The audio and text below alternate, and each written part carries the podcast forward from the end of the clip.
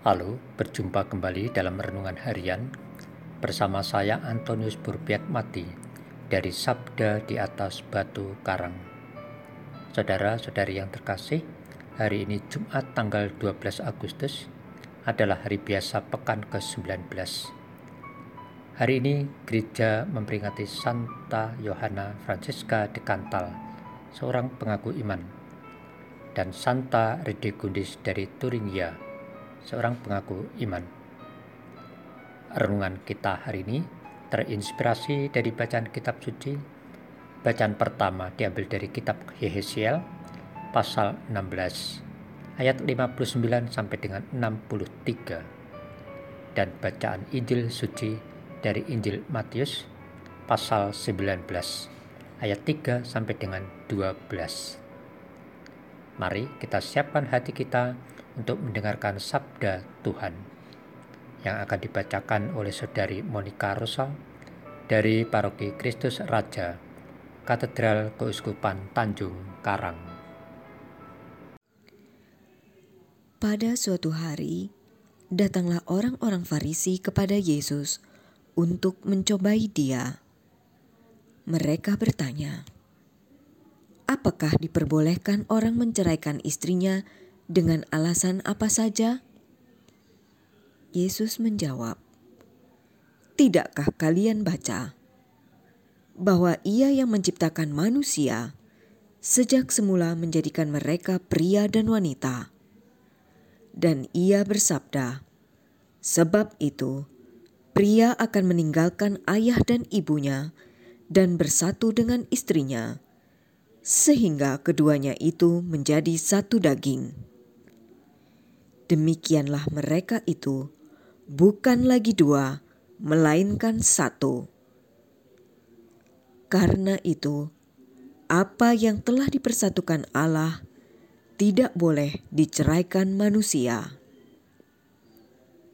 Kata mereka kepada Yesus, "Jika demikian, mengapa Musa memerintahkan untuk memberi surat cerai jika orang menceraikan istrinya?"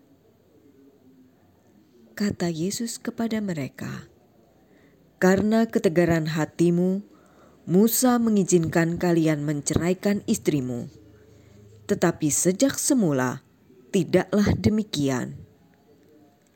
Aku berkata kepadamu, barang siapa menceraikan istrinya kecuali karena zina, lalu kawin dengan wanita lain, ia berbuat zina." Maka murid-murid berkata kepada Yesus, "Jika demikian halnya hubungan antara suami dan istri, lebih baik jangan kawin."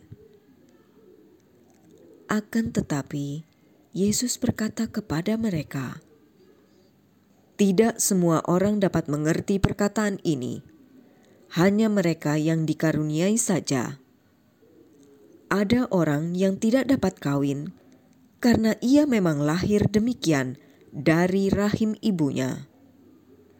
Dan ada orang yang dijadikan demikian oleh orang lain, dan ada orang yang membuat dirinya demikian karena kemauannya sendiri demi kerajaan surga.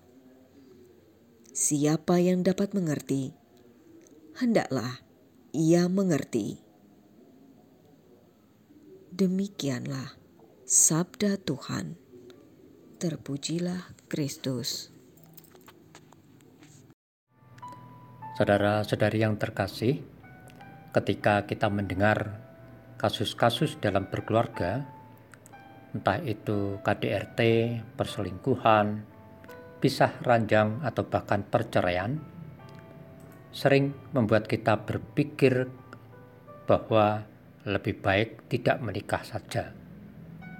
Karena hidup dalam perkawinan atau berkeluarga ternyata tidak membawa kebahagiaan. Demikian sebaliknya, bagi mereka yang sengaja berlajang atau berselibat, ketika melihat bahwa hidup berselibat pun ternyata juga memiliki masalah, maka kadang terpikirkan lebih baik hidup berkeluarga. Saudara-saudari yang terkasih, hidup berkeluarga atau berselibat itu adalah pilihan hidup kita. Masing-masing memiliki kebaikan dan kekurangan. Namun yang jelas bahwa komitmen dan kesetiaan adalah dasar keutuhan dan kebahagiaan dalam berkeluarga ataupun berselibat. Nah, bagaimana kehidupan Anda dalam berkeluarga atau berselibat selama ini? Adakah pernah terbersit dalam pikiran Anda untuk berpisah dari pasangannya atau keluar dari komunitas hidup bakti Anda? Lalu, apa yang menjadi dasar utama atau yang mendorong Anda untuk berpisah itu? Saudara-saudari yang terkasih, dalam bacaan Injil pada hari ini, Yesus mengajar para muridnya untuk membangun komitmen dan kesetiaan, untuk mempertahankan keutuhan hidup dalam berkeluarga. Yesus melarang terjadinya perceraian di dalam berkeluarga karena keutuhan dalam hidup berkeluarga itu adalah kehendak Tuhan sendiri. Yesus mengharapkan bahwa segala rasa egois dari diri masing-masing pasangan hendaknya disingkirkan sehingga tidak ada terjadi keinginan untuk saling memisahkan diri dari pasangan atau keluarganya. Saudara-saudari yang terkasih, pengajaran Yesus hari ini patut kita mengerti juga bahwa itu bisa diterapkan untuk para selibater supaya tetap setia dalam pilihan hidupnya yang demi pekerjaan-pekerjaan Tuhan. Saudara-saudari yang terkasih, pengajaran Yesus hari ini memang idealnya ditujukan kepada mereka yang masih bujang, agar mereka tidak gegabah, sembarangan, atau salah dalam menentukan pilihan hidup untuk berkeluarga atau selibat demi pekerjaan-pekerjaan Tuhan.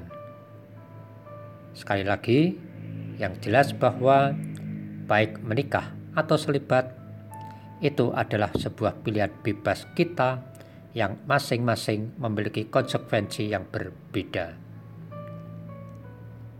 Semoga dengan kekuatan Roh Kudus, kita memiliki daya komitmen dan kesetiaan untuk menjaga keutuhan hidup bersama dalam berkeluarga atau setia dalam panggilan hidup bakti kita masing-masing. Ya Yesus, semoga sabdamu hari ini mengingatkan kami kembali untuk senantiasa memperbaharui janji hidup dalam keluarga maupun dalam komunitas hidup bakti kami. Amin.